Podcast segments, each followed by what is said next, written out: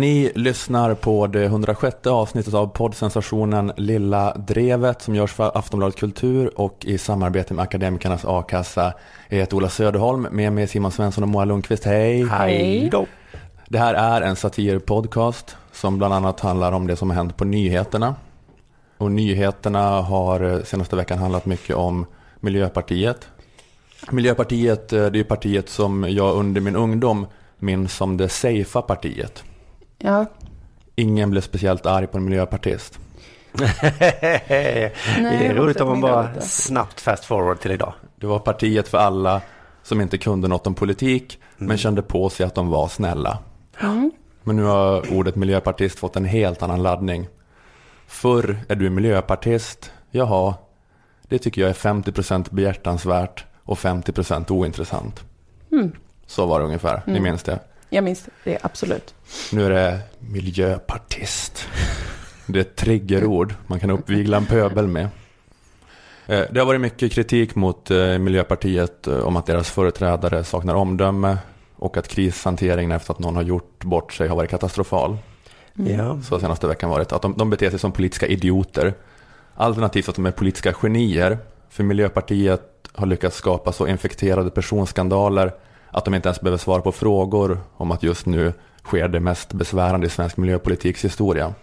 Att statliga energibolaget Vattenfall i måndags offentliggjorde att de eh, inte avvecklar sin brunkolsbrytning utan de säljer den till något tjeckiskt bovföretag. Men hallå snark-Ola, jag vill höra om Mehmet Kaplan.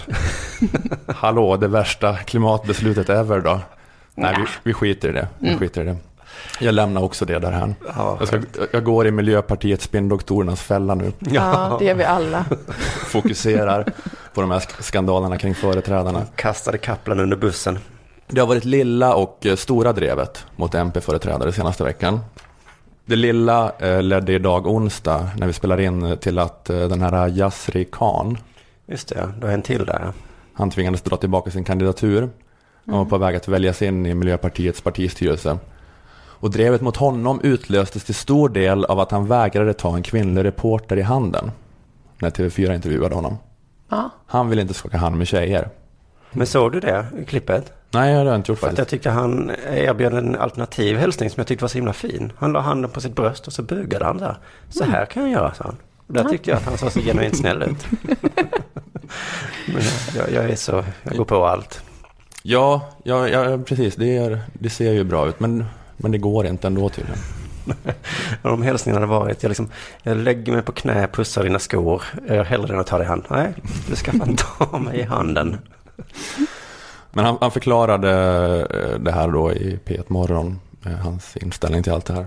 Miljöpartiet är ju liksom alla andra partier för jämlikhet mellan könen. Hur rimmar det, Miljöpartiets linje där, med att du inte behandlar män och kvinnor lika när du hälsar? Ja, att behandla människor lika betyder inte att man inte ser på människor likvärdigt. Precis. Det han menar är att vi får inte blanda ihop det här med att behandla lika och behandla likvärdigt. Usch, nej, det är svårt. Men ja, det är väldigt svårt. Man kan, Snårigt. jag menar att man kanske behandlar olika, men de olika är lika mycket värda. Mm. Okej. Mm. Och det är väl rimligt. Jag skulle aldrig skaka hand med en same. Helvete Ola. Aldrig i helvete. Men även om jag behandlar dem annorlunda så tycker jag att de är lika mycket värda.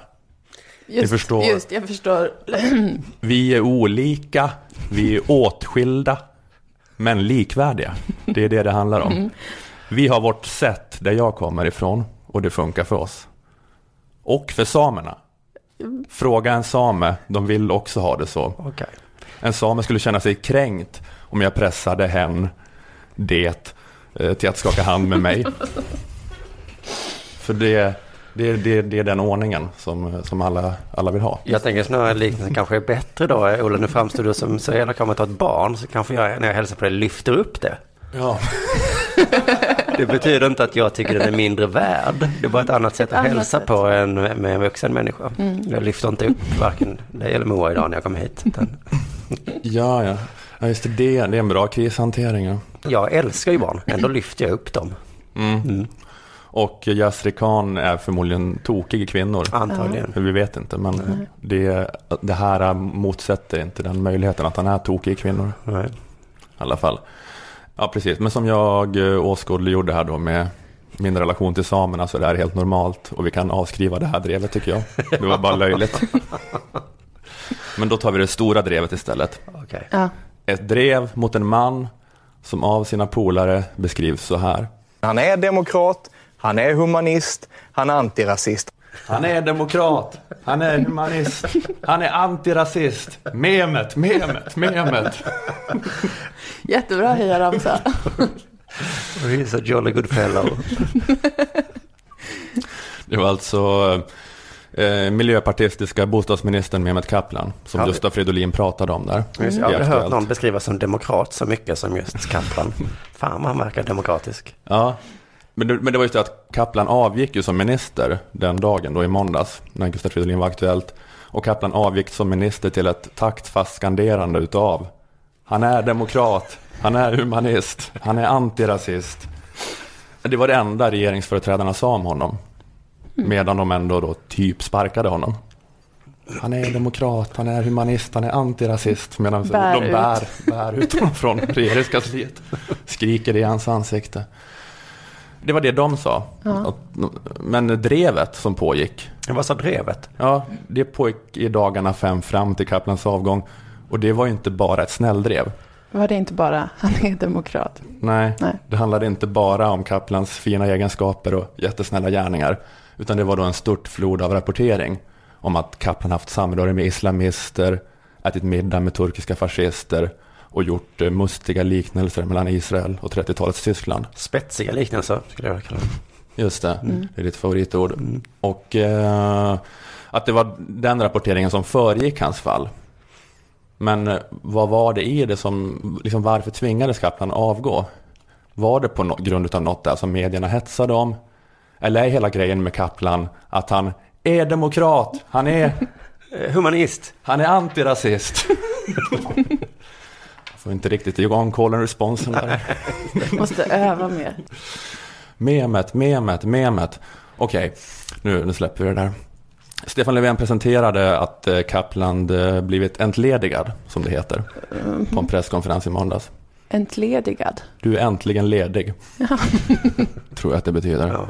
Det lät logiskt. Han presenterade det så här. Mehmet Kaplan gör en samlad bedömning att hans agerande i relation till externa religiösa och politiska organisationer har lett till en diskussion som står i vägen för hans uppgifter som statsråd och jag delar den bedömningen.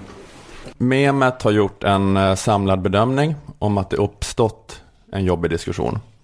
Stefan Löfven delar den samlade bedömningen. Går det att bryta ner den här samlade bedömningen lite? Vad består bedömningen av? Är det en bedömning av Kaplans agerande? Eller är problemet bara att det finns en diskussion om Kaplan? Journalisterna försöker få konkretion. Det är en samlad bedömning. Mehmet Kaplan gör en samlad bedömning av den här situationen, att han kommer inte att kunna verka som, som statsråd i, i detta och jag delar den bedömningen. Vad i denna samlade bedömning tycker du själv är allvarligt? Det är den samlade bedömningen som gör, som gör detta. Kan han inte ens komma på något eget istället för samlad bedömning? Den är ju redan gjord. Härligt att eh, journalisten där hakade på och pratade med bönderna på böndernas språk. Ja, det går inte att säga vad i bedömningen som är den är allvarligt. så samlad. Den är så sam- det går Det inte, går inte att bryta ner den. inte att bryta ner den här bedömningen på det viset. Enhetlig. Det är det samlade som är allvarligt. Mm. Allvaret finns i hur samlat det blev. Men jag tror det blir någon slags vetenskapsteoretiskt bråk här mellan Löfven och journalisterna. Att journalisterna är reduktionister, som det heter, som tycker att man ska kunna plocka isär det och peka på de enskilda delarna. Mm. Men Löfven menar på att Kaplan-skandalen är ett holistiskt fenomen mer. Ja. Helheten är större än summan av de enskilda delarna. Det var ju inte okänt att han som minister har träffat den här organisationen Miligörus ett återkommande antal gånger. Visste ni inte vad den organisationen står för? Det, det som jag säger är att det är den samlade bedömningen som avgör det här. Det är, ehm, det är omöjligt att säga något om ett samröre med Milly Görös som en enskild händelse.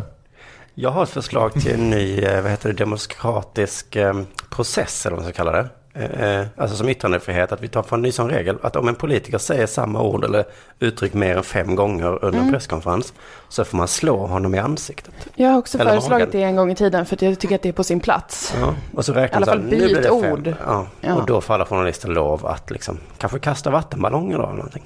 Mm. Mm, någonting i alla fall så att det eh, händer något. Å andra sidan, det, det blir ju inte bra heller. Det blir ju alltid ett YouTube-klipp. Det här är ju ett i samlingen nu. Att det finns Bosse Ringholm, YouTube-klippet. Det finns Tobias Billström. Nu har, finns det ett till sånt där. Det finns så Men- många snart. Men de har, Det är liksom- Ja, det är klart. Det kanske är det att när de blir tillräckligt många så är de inte roliga längre. Nu finns det 18 sådana här klipp med räkneklocka i ena hörnet. ja, det är inte säger- överraskande. Så man blir inte Det här är ens så tredje "Va?" partsuppgifter. Det här är tredje partsuppgifter. Det går Lite samlad bedömning. Att det är alltid ord som knappt går att förstå vad det betyder. Ehm, ja, men eh, poängen var att det är omöjligt att säga något om ett samröre med Millie Göres eh, som en enskild händelse. Men när ett samröre med Millie Göres samverkar med andra olika enskilda händelser kan de tillsammans skapa ett komplext system där det till slut framträder en samlad bedömning. Av, mm, av då en eh, eh, humanist och demokrat. Att en humanist och en demokrat, eh, världens eh, bästaste kille, ändå måste avgå Ja. på grund av den här samlade Det är det som bedömningen. händer när det blir en samlad bedömning ibland. Obehagligt. Men det sades ingenting här från Löfven om att Kaplan eh, gjort fel. Bara Nej. att det har blivit ohållbart. Inte att eh, han var ohållbar. Kaplan kom själv upp på scenen sen och gjorde ett uttalande. Men låt mig vara tydlig. Det här är inte en bekräftelse av de uppgifter om mig som jag anser vara felaktiga. Han är extremt eh, tydlig med att han avgår på grund av uppgifterna om honom. Mm. Men att alla uppgifterna är felaktiga. Ja, just det. An- anklagelserna är helt falska, men jag tänker ändå ta mitt ansvar. Att bara för att anklagelserna är falska så är det ingen bra anledning att inte ta dem på allvar och agera. För det är falska uppgifter, men det som påstås felaktigt, det är så allvarligt. Så att jag kan liksom inte välja att inte agera på det. Det är lite som man är liksom i en rättegång och någon säger så här, du har gjort inbrott. Nej, det har jag absolut inte gjort, men jag tänker ändå sätta mig i fängelse nu i tio år. Det är alltså inte ett kvitto på att ni har rätt i era anklagelser. Nej, Alltså, men det är en väldigt allvarlig, allvarlig anklagelse Ja. riktad mot mig. hade det varit sant hade det varit för jävligt. Mm, så därför måste jag ju sitta i fängelse. Den här anklagelsen kan inte avfärdas bara för att den är felaktig. För att det är, låter fruktansvärt illa det här med att jag har begått inbrott. Så att, eh, något, något måste ligga i det. Fast det ligger ingenting i det, men ändå. men det, men, men det, är, det är spännande här för att verkligheten är helt ointressant i den här eh, avgången. Det är bara bilden av verkligheten som är intressant. Bilden av verkligheten är verkligheten. Uh. Och det här är då mera postmodernistiskt, mer Jean Baudrillard, om jag ska fortsätta vara störig med, med, med sådana här svåra ord. Do continue. Att vi lever inte i verkligheten längre, vi lever i hyperverkligheten. Där Oh, språket, shit. språket och tecknen har inte någon grund i något som finns på riktigt, utan de bara refererar till sig själva och varandra. Och det är därför Mehmet Kaplan inte kan vara bostadsminister längre, enligt regeringen. Om verkligheten fortfarande hade existerat, då hade han kunnat sitta kvar. Men det är väl lite skolgårdens logik där. Att om du har en stor mobb som ropar efter dig på högstadiet, något i stil med du är mesig. Då kvittar det lite om jag inte är mesig. För att det har liksom blivit en etablerad sanning. Så att jag måste byta skola. Var inte det en ganska bra liknelse då? Då kommer jag till den nya skolan och så säger jag, alltså jag är ju inte mesig. Men eftersom alla sa det. Ja, det kommer jag ihåg faktiskt från när jag, eh, att det kom några till min skola, ett par stycken som hade blivit mobbade på en annan skola. Och eh, de kom till våran. Och sen så typ tränade jag friidrott och då var det någon mobbare från den gamla skolan som jag tränade friidrott med. Och han var så stressad över det här att de bara kom och var vanliga människor på vår skola. Han ville så försöka informera om vilka jävla sopor de var. Att, att folk måste få veta om det så att de kan bli mobbade som de ska där borta. Men nu är det som att det inte finns att de är töntar som är jättejobbiga. Så att, eh, ja precis. Ja men det, det går bra med skolgårdsliknelsen också. Eller så kan man hålla på med Baudrillard som jag gör. Just det. Två lite olika. Om man, det beror på. Två alternativ. Men eh, senare under måndagen, då var det en intervju med Miljöpartiets elevrådsrepresentanter, Förlåt, språkrör. Burn! Varför kunde han inte sitta kvar? Han beskrev ju det som att eh, ifrågasättanden av honom och hans person står i vägen för det som han vill uträtta och det han gör med nytt bostadsbyggande, byggande av hållbara städer. Vi är trygga i att Mehmet Kaplan är demokrat och humanist. Men är det inte så att han egentligen har fått sparken? Nej, Mehmet Kaplan har själv beslutat att dra slutsatsen av att, man, att han ser hur diskussionen om honom och ifrågasättande av honom. Du säger kritiken av, från honom själv, men anser ni att han hade kunnat sitta kvar efter detta? Alltså, vi har ju tagit ställning till att han har beslutat att, eh, att han inte kan eh, utföra sitt uppdrag och det har, vi, det har vi en djup respekt för. Han är trygg med vem han är. Mehmet Kaplan är demokrat och humanist. Men ifrågasättande av honom gör det svårt att utföra sin uppgift. Vad var han nu igen? Demokrat va? Ja, och humanist. Han strök antirasister jämfört med tidigare. Mm. Men det gick alltså inte längre att bygga hållbara bara städer med tanke på den här diskussionen som har kommit upp. Ja, det är Kaplan så. var liksom Det mitt i att hålla på att bygga en hållbar stad. Mm. Och sen var nej, ah, nej. Nej, här ska jag bygga upp ett klimatsmart hus och så står det bara någon och då står det någon i vägen där huset ska byggas och vill ha en diskussion om mina kopplingar till olika eventuellt islamistiska grupper. De står där på tomten, stoppar liksom eh, traktorn som ska komma och gräva upp. Så det, ja, det var något sånt eh, resonemang de hade. Nej, men det fortsätter ju här att de har inget tappat förtroende för Mehmet Kaplan. Nej. Eh, De lyfter inte fram eh, något av de här jobbiga uppgifterna som skäl för avgången, utan det enda de lyfter fram som skäl till avgången är diskussionen. Kontentan är alltså att Kaplan har inte gjort något som är fel, men han måste ändå avgå för att det har varit ett sånt jävla liv på Twitter. Mm. Och om man är så extremt rädd för ilska på Twitter, då ska man inte styra landet. Då ska man vara mellanchef på Sveriges Radio. Am I right? Ja. Ja. Men, men, men, men det som blir ex, så extra konstigt och ryggradslöst med det här, det är ju att eh, Löfven, när det börjar storma, är så här att eh, det här började i torsdags. Stefan Löfven, eh, flera har ju varnat för och hävdat att eh, eh, Mehmet Kaplan har sådana här kopplingar. Eh, till exempel socialdemokraten Nalin Pekgul. Eh, varför har du inte lyssnat på dem? Eller har du inte lyssnat på dem? Det som har kommit fram nu på den, den senare tiden, det som har startat den här diskussionen, det började i torsdags, den stora diskussionen. Eh, från i torsdags till nu så har, har den här eh, situationen uppstått och Mehmet Kaplan gör nu en samlad bedömning att det här kommer inte att kunna... I torsdags så kom de här uppgifterna fram och idag är det måndag. Det började i torsdags, alla de här uppgifterna, och nu har jag gjort en samlad bedömning om vad som kommit fram sen i torsdags.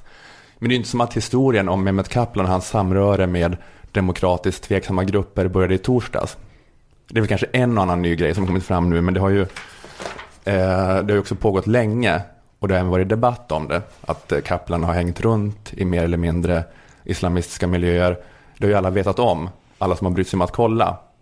Och det kan man ju se på på två sätt. Att eh, han har haft sina kritiker som typ Nalin Pekul. sossekvinnan, som, som har sagt att eh, Kaplan själv är islamistiskt anstruken. Han kör med dubbla agendor.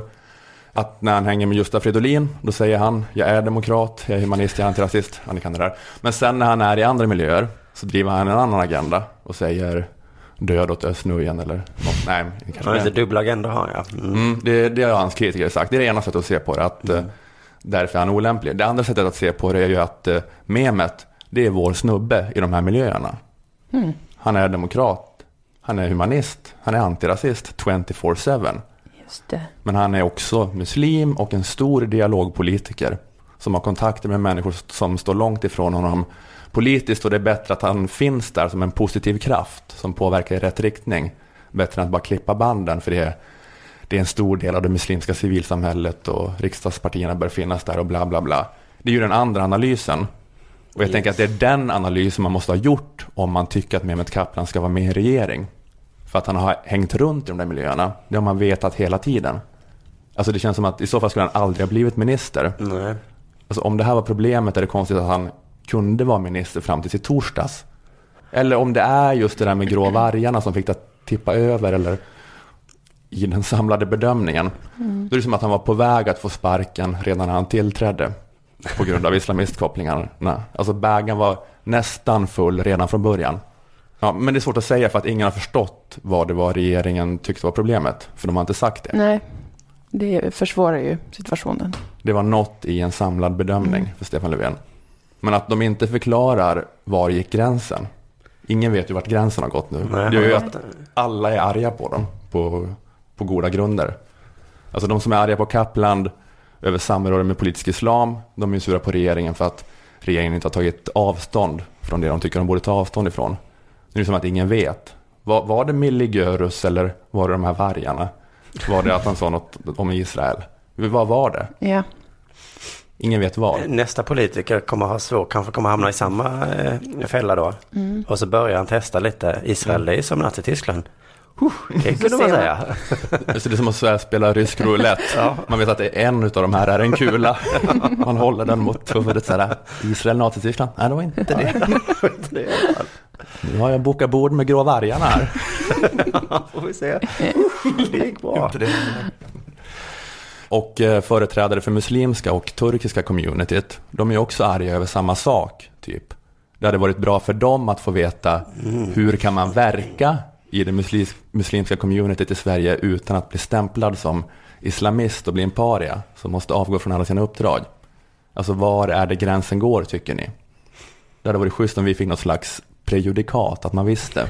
För nu är prejudikatet och gränsen för vad som är okej, det är att ja, men det, det är typ något här någonstans. Mm, en samlad bedömning av någonting. Så att, eh, ja men det, det, ingen blev glad av det här.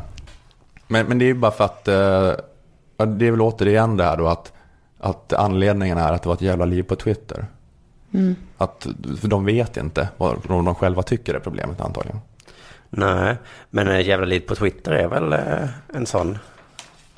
Ja, men det, är- det är ju bara att det är svårt som eh, prejudikat då, om man är politiker som kanske vill ha kontakter i till exempel muslimska civilsamhället att göra allt förutom att det inte får bli liv på Twitter. Att man skulle vilja ha något mer tydligt då. Ja, det är lätt att det blir liv på Twitter.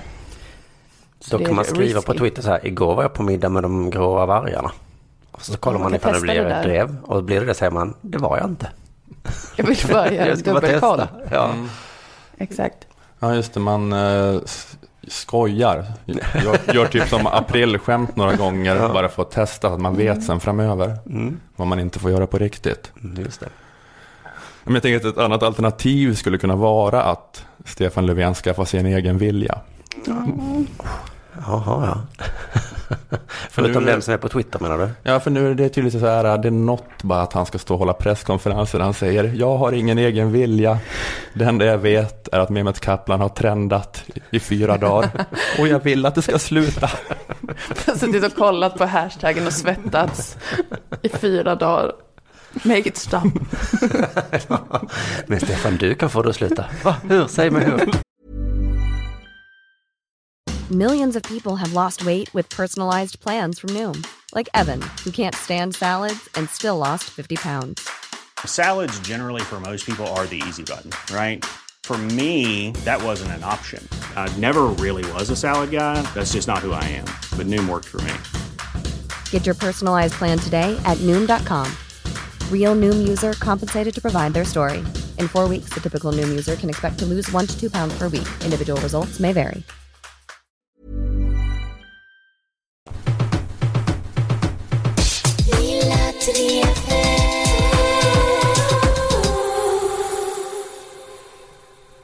Vi säger tack till Akademikernas A-kassa som är med oss och gör den här podden möjlig.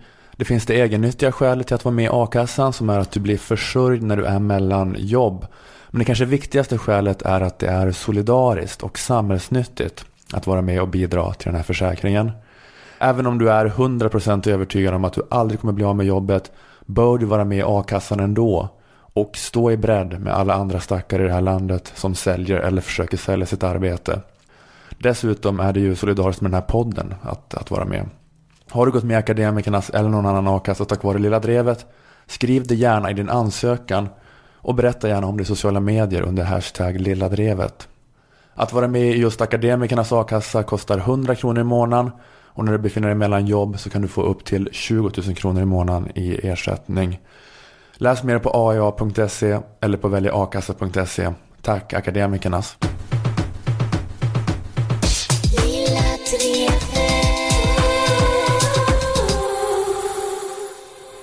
De senaste månaderna så har en organisation som kallar sig Soldiers of Odin blivit väldigt omskrivna i tidningar. Ni har säkert läst eh, om det. Det är en organisation som startades av en finsk nazist. Och den främsta aktiviteten de pågår med är att gå runt på gatorna på nätterna i matchande outfits, se lite arga ut och så vidare. Vara lite hotfulla. Mm. De vill skydda folk, säger de. Jada, jada, jada. De finns på flera platser i Sverige nu också, Soldiers of Odin. Eh, och i vanliga fall kan man säga som så att människor brukar inte vara särskilt förvånade över att när gäng med högerextrema drar omkring på gatorna innebär det inte ökad trygghet. Det brukar man inte bli förvånad över. Man brukar kanske ha som reflex att oj då, nu är det lite jobbig stämning på stan när det går omkring ett gäng högerextrema med matchande outfits. Mm. Man brukar inte tänka, nu är jag trygg. Någon tänker säkert det. Men de flesta tror jag ändå brukar känna att det är lite obehagligt. Men den här organisationen har gjort en väldigt listig rebranding som har försatt alla i en djup chock och förvirring.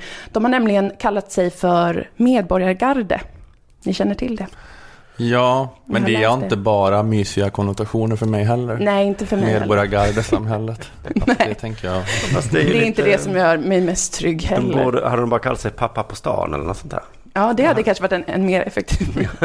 men det har funkat.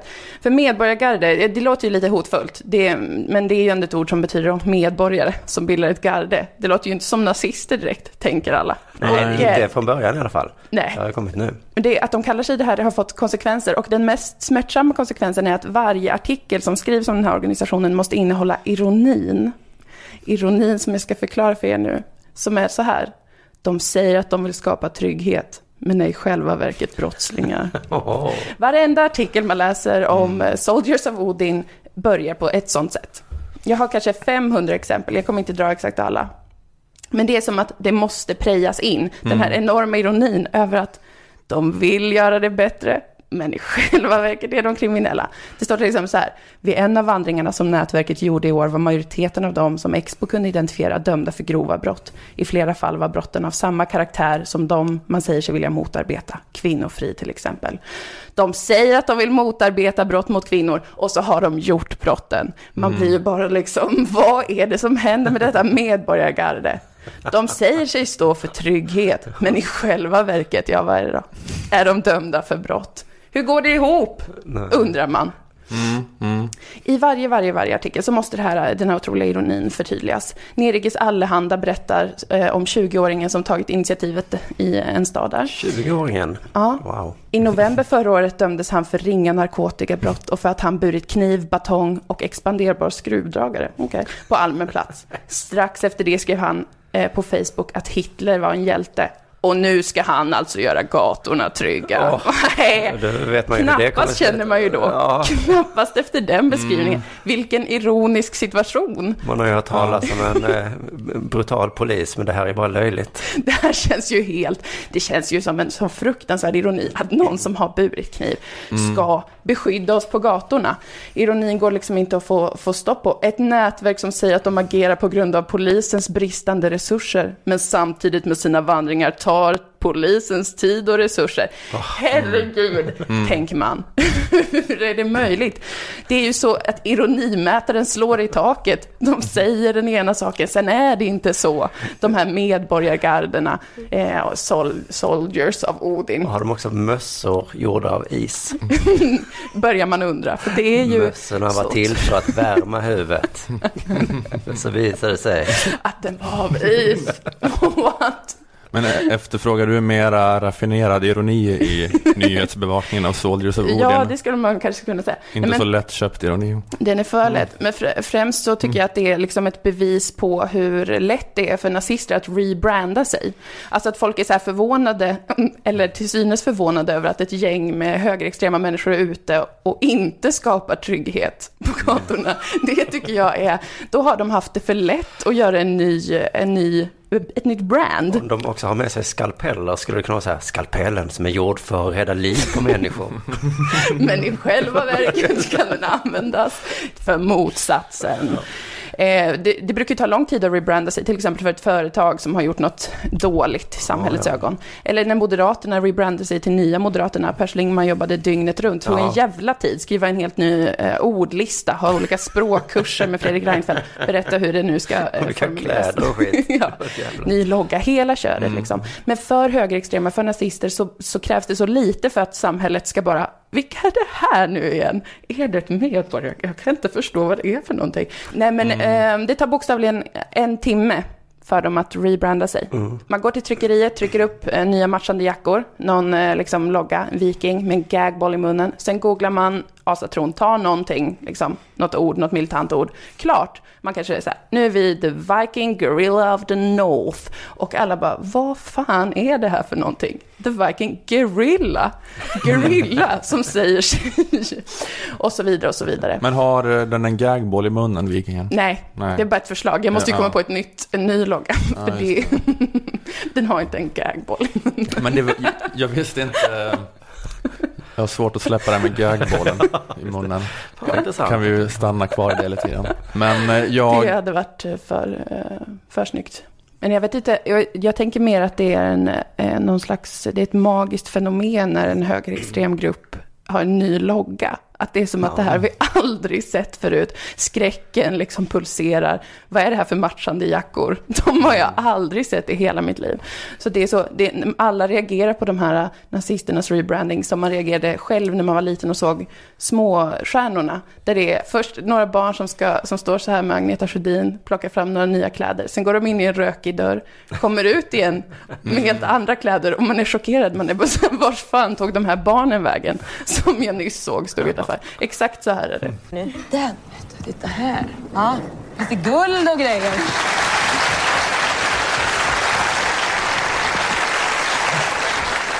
Då ska vi alltså få se Per, Niklas, Karina och Malin förvandlas till... Soldiers of Odin.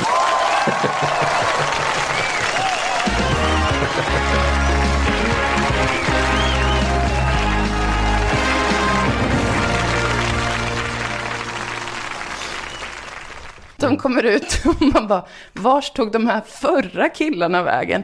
Vad är det här för helt nya? Ett medborgargarde. Åh, oh, herregud. Vi har aldrig sett något liknande. Varje artikel från now on måste börja med, de säger att de vill skapa trygghet, men i själva verket gör de inte det. Och så pågår detta tills alla vet vad det är vi har att göra med. Sen kommer de skaffa en ny logga, en ny jacka, kanske en ny hatt. Och så kommer alla vara så här, de säger att de vill hjälpa folk, mm. men i själva verket är det inte så. Oerhört fascinerande fenomen. De blir som ett, de, ja, de byter namn till någonting så blir de som ett bedårande barn som mimar till Céline Dion. Direkt. Det, det väcker lite andra känslor, men, men eh, det är överraskande. Ja, men vad, har de liksom, hur mycket har de gjort de här? Har de varit ute och, och slagits mycket? De, de går ju på nattvandringar och det blir ju alltid bråk då. Och, men är det de som startar bråket eller? De Nej. säger Simon att de inte vill starta bråk. ja. Sen startar de bråk. Nej. Who would have ever thought it was possible? Eh, nej, men de går väl omkring och eh, utgör ett hot om våld helt enkelt på nätterna sådär. Men säger att de vill skydda medborgarna. Men vet ni vad? I själva verket gör de inte det. Ja, det är väl det som jag tycker har, har slagit mig mest. Att det är, så här, det är väl självklart. att, det är, att det är nazister. Eller det, de är ju det. Även om de, de själva vill inte kalla sig det, så då vill de att alla ska säga att det är ett medborgargarde. Och så gör alla det. Och så måste de lägga till hela tiden disclaimern att det inte är så bra. Nej, liksom, nej, eh, nej, men man, man, skulle, man, skulle, inte behöva det här vederlägga deras uh, argument för att de ska få hålla på som de ska göra. För att det är, så här, det är självklart att, att det är ett våldsmonopol som vi har och nazister får inte bara ta det våldsmonopolet. Precis, det så, så man, alltså man behöver inte ha det här resonemanget först, så här att obs, jag vet att alla som läser det här, ni kanske tycker att det låter som en bra idé, men... I själva verket. Nej, men alltså... Nu ska jag, journalisten, tänka ett steg till åt dig. Att det kanske inte är så bra idé.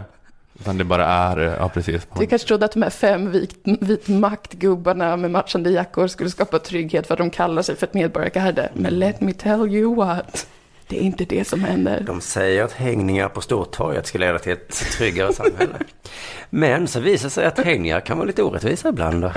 Ja, men det, det, det, det är vanlig kriminell verksamhet. Att det är Ja. som, att man, som om all rapportering om brott skulle skrivas så här att... eh, Han sa att det skulle vara rättvist att han gick in på banken och rånade. För att han har så jobbig uppväxt. Men han har samma uppväxt som alla andra. De sa att de ville mörda de dekadenta västerlänningarna som gick på gatorna i Bryssel. Men i själva verket så har de rätt att leva också. Så att det var fel gjort av terroristerna där. Eller? Jag har inte sett några sådana artiklar.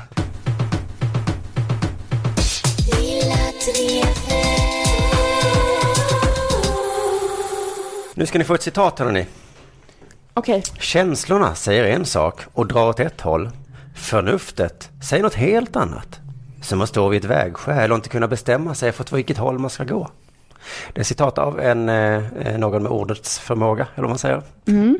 Talets, Makes you skriftens. think. Men det var det okänd avsändare. Ja, jag har hittat det på P1 någonstans. Det var någon programledare för något program, tror jag. Men ni pratade om, om känsloargument i förra avsnittet av Lilla Drevet här. Och jag skulle haka på det lite och kanske till och med gå så långt att jämföra känsloargument som mötes motsats då. Förnuftsargument. Mm. För visst är det lite underförstått att förnuft är bättre än känsla? Det är väl mer hög status Mm. oftast. Ja, men det är väl, jag vet inte fan, solen skiner och jag tar en ciggjävel till. Jag måste följa mina känslor. Och sen så, usch, nej, det blev en för mycket. Säger förnuftet sen efteråt. Det gör lite ont. Fastna i i känslofällan där kanske man blir ihop med en tjej som är manipulativ och förbjuder mig från att hänga med killarna. Förnuftsmässigt fel. Känslorna säger yay! Mer av den här tjejen. Känslorna, man kan inte lita på dem. Man dansar till en misogyn hiphop-låt. Förnuftet säger lägg av Simon. Vad håller du på med? Känslan säger doobidi-doo, jag är en doobidi-doobidi-doobidi-doobidi-doo. Yeah! Man är glad liksom, åt den härliga basgången. Och där hör du mitt ex. Eller det. de hängde inte ihop de här två. Men så. Ja, just det. Det, det. det borde de gjort såklart. Men om man då anklagas för att ha ett känsloargument så har jag alltid eh, tänkt att då anklagas man för att ha ett sämre argument. Kanske till att man har helt fel. Mm. Man bara går på magkänslan. Ja. Och Jonathan då i förra avsnittet här tog upp kändisupproret eh, när kändisarna skrev att de var emot Sveriges nuvarande flyktingpolitik. Och då kritiseras det eh, så här då. Känslostyrt och populistiskt tyckte till exempel Svenska Dagbladets Ivar Arpi som finns med oss på telefon nu. Hej! Men det här var ju då Ivars åsikt om kändisupproret som också kanske grundar sig på en känsla. Jag vet inte. Och det var lite Jonathans tes. Ja, just det. Ni nämnde det där lite kort, det där upproret, att det var till exempel underskrivet av Simon Gärdenfors, eh, plockade du upp. Eh, du nämnde inte Frej Larsson, som eh, de två tillsammans är ju far och son-killarna. Mm. Eh, förra gången de skrev ett öppet brev så blev jag ju på riktigt provocerad, lite illa till mods då. De skrev att de dödat ett barn i Kambodja. Och sen dagen efter sa de, det var ju bara på skoj. Blev du arg eller? Gick du på det? så höll de på. Så denna gången tänkte jag, jag ska inte bli arg. Tänk inte gå på det en gång till. Skulle ni vara emot gränskontroller? Pff, jag är inte född igår. Skulle far och son vilja släppa in hur många flyktingar som helst? Ha! Men det var väldigt många som gick på det. Att det här är som en text på Mr Cools skiva eller något sånt där. Ja. Det här är, du vet, vi vill tillbaka till höstens migrationspolitik och knulla ett barn. Just det. Blev ni provocerade? De enda som är skadade här det är den goda smaken. Eh, och det var ju då för att det var många som gick på det, att det var på, på riktigt och då anklagades då kändisarna för att ha haft känsloargument, då till exempel av Ivar, men också på Göteborgs-Posten var det någon som skrev eh, det kändisar saknar i kunskap tar de igen i känsla. Eh, någon annan skrev det också, känslostyrda artister mot logik och fakta. Mhm. Som om Simon Gärdenfors någonsin, någonsin känt en känsla. De gick på det.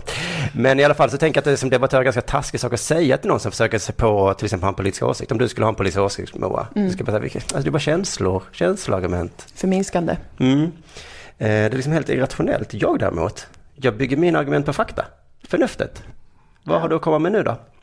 Eh, och då eh, tänkte jag att om man då vill försvara sig då så skulle du då kanske säga till mig eh, nej.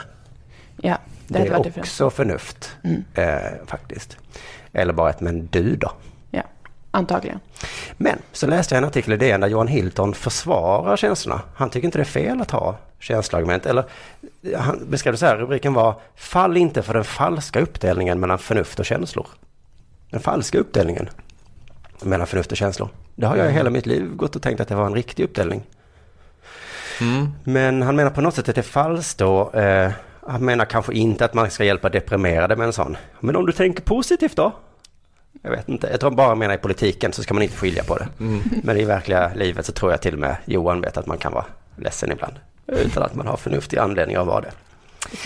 Det, det är roligt med den här artikeln, den har en beskrivande bild överst. Det är då en demonstrerande människor som är emot nedläggningen av Findus i Bjuv. Just. Och på plakaten så är det emojis. Ah, Arg-emojis.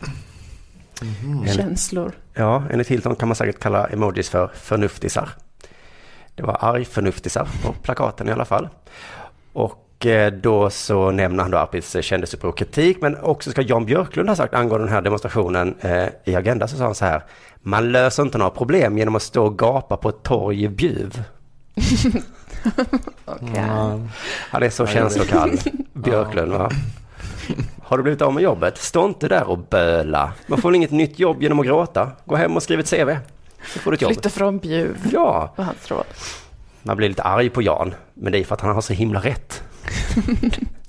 Ja, ja kanske. Det kanske inte Ja, men- hjälper att gapa på Torgeby. Jag vet Nej. Findus har redan stuckit. De är ju redan i sitt nya land. Vad ska de göra? Men ska ingen vilja någonting då, någonsin? Nej, men det är lite det eh, Hilton menar att det här känsloargumentet är ju, eh, det är så politik börjar. Men han menar att man ska inte bli ledsen om, om jag säger till dig Moa, du har bara ett känsloargument. För han, då Johan är citat, inte rädd för att koppla samman med denna patriarkala definition av känslosamhet. Att känslan inte samtidigt kan rymma ett djuptänk. Mm. Det kallar han för kryptosexism. Snyggt. Mm. Vet inte vad det betyder, men det, Det låter väldigt rätt. Ja, det känns bra känns att bra höra det. det. Det fin- att det finns något, eh, människor som klagar på känsloargument i något slags eh, kvinnohat i smyg. Mm. Det, de, Min- det de menar säger är att, att jag stör mig på tjejer. Just det. Sluta vara så, bru, sluta vara så brudiga. Dina åsikter är så himla brudiga. Mina däremot eh, är ju, ja, kommer ju från fakta. Men det är så himla smart av Hilton här. Någon säger du har ju bara känsloargument. Han svarar eh, ja. Och då man bara ja, alltså då har jag, det här har ju inte med fakta att göra. So what? Fuck you. Att man erkänner så. Jag har inget förnuft, jag går på känsla. Men känsla är lika bra som förnuft. Det är lite en ögonöppnare för mig. Skönt på något sätt. Men jag har eh, eh, läst en bok om, eh, om, om det här. Mm. Eller bland annat det här. Att grejen är att det finns bara, alltså alla människor är känslostyrda. Det är känslan som bestämmer vad vi tycker. Och sen så förnuftet är en försvarsadvokat för känslan. Alltså att du någon gång, du har känt dig fram till att du är vänster eller höger. Och sen så är du olika bra på att vara försvarsadvokat för den känslan genom, beroende på hur smart du är. Mm. På, att, på hur bra förnuft du har, på att så här, hitta på argument för varför din känsla som du har fått är rätt. Ja, jag tror att det finns liksom eh, kanske filosofiskt bråk om det här. Det är möjligt att de har landat i den här åsikten. Men eh, René Descartes vet jag, jag läste på lite idag. Han var en som eh, delade upp förnuft och känsla, två helt olika saker. Sen så finns det nog andra filosofer som menar nej, nej, nej, det är samma. Mm, ja, de var lite fram och tillbaka sen Descartes. Eh, Men, men precis som du säger det här, att, att Johan menar att, att eh, känslor är alltid inblandade. Han säger att det är till och med grogrunden för ett politiskt engagemang. Man känner "Grrr, orättvist. Där börjar man. Och sen så skaffar man sig kanske Mm. och det är jag ju med på, att det är grunden liksom, att man blir arg på orättvisa. Men sen när man ska lösa orättvisan, då trodde jag det var bra om man också hade läst på lite. Till exempel nämnde han då den här bilden på Allan Kurdi, eh, barnet som, eh, som låg dött på en strand. Och så frågar han sig då hur många aktivister föddes inte efter den bilden? Har han säkert helt rätt i. Till exempel jag. Men det, det har jag alltid skämts för, att jag reagerade först då. Jag gav aldrig pengar till sådana här permfolket på stan. Men sen fick jag se en bild på ett barn som låg dött på en strand där jag festade som tonåring. Då började jag reagera. Usch för mig, min dumma känslostyrda idiot. Men man kanske, jag tror man bara ska försonas med det, att alla är känslostyrda. Okej, så jag ska vara nöjd med hur jag var innan då när permfolket kom fram och frågade vill du ge pengar till fattiga barn? Och jag svarade, ja, har du någon bild eller?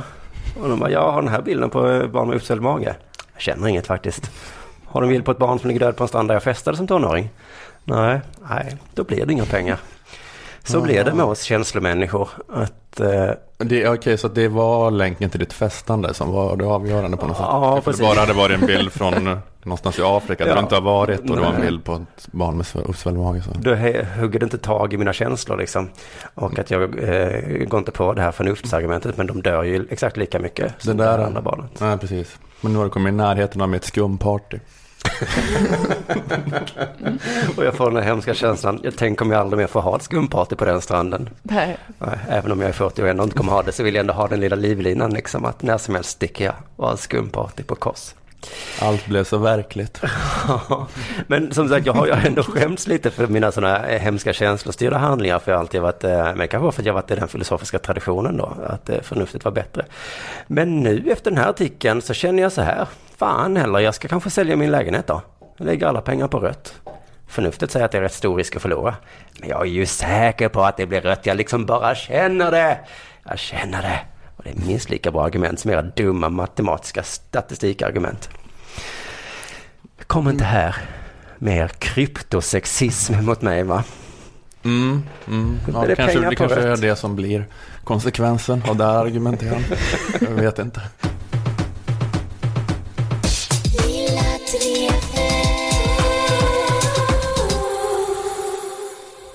Jag kan säga att eh, ifall ni lyssnar på det här idag fredag när det kommer ut så är jag i Jönköping på Oslipat ikväll och just eh, uppträder.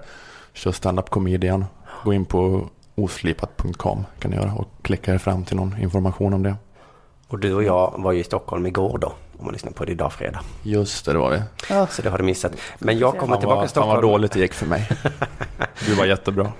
Med klubben under jord kommer till Stockholm den 25 maj och gör ett eh, specialbesök där. Eh, Så eh, kom gärna på det. Skalateatern.se finns det biljetter. Mm. Och jag och Dilan gör vår föreställning Det nya tråkiga den 19 maj på Babel i Malmö. Kaboom! Boom. Tack så mycket Aftonbladets Kultur och Akademikernas A-kassa. Eh, tack Simon Svensson och Moa Lundqvist. Jag heter Ola Söderholm. Eh, vi hörs igen nästa vecka. Adjö!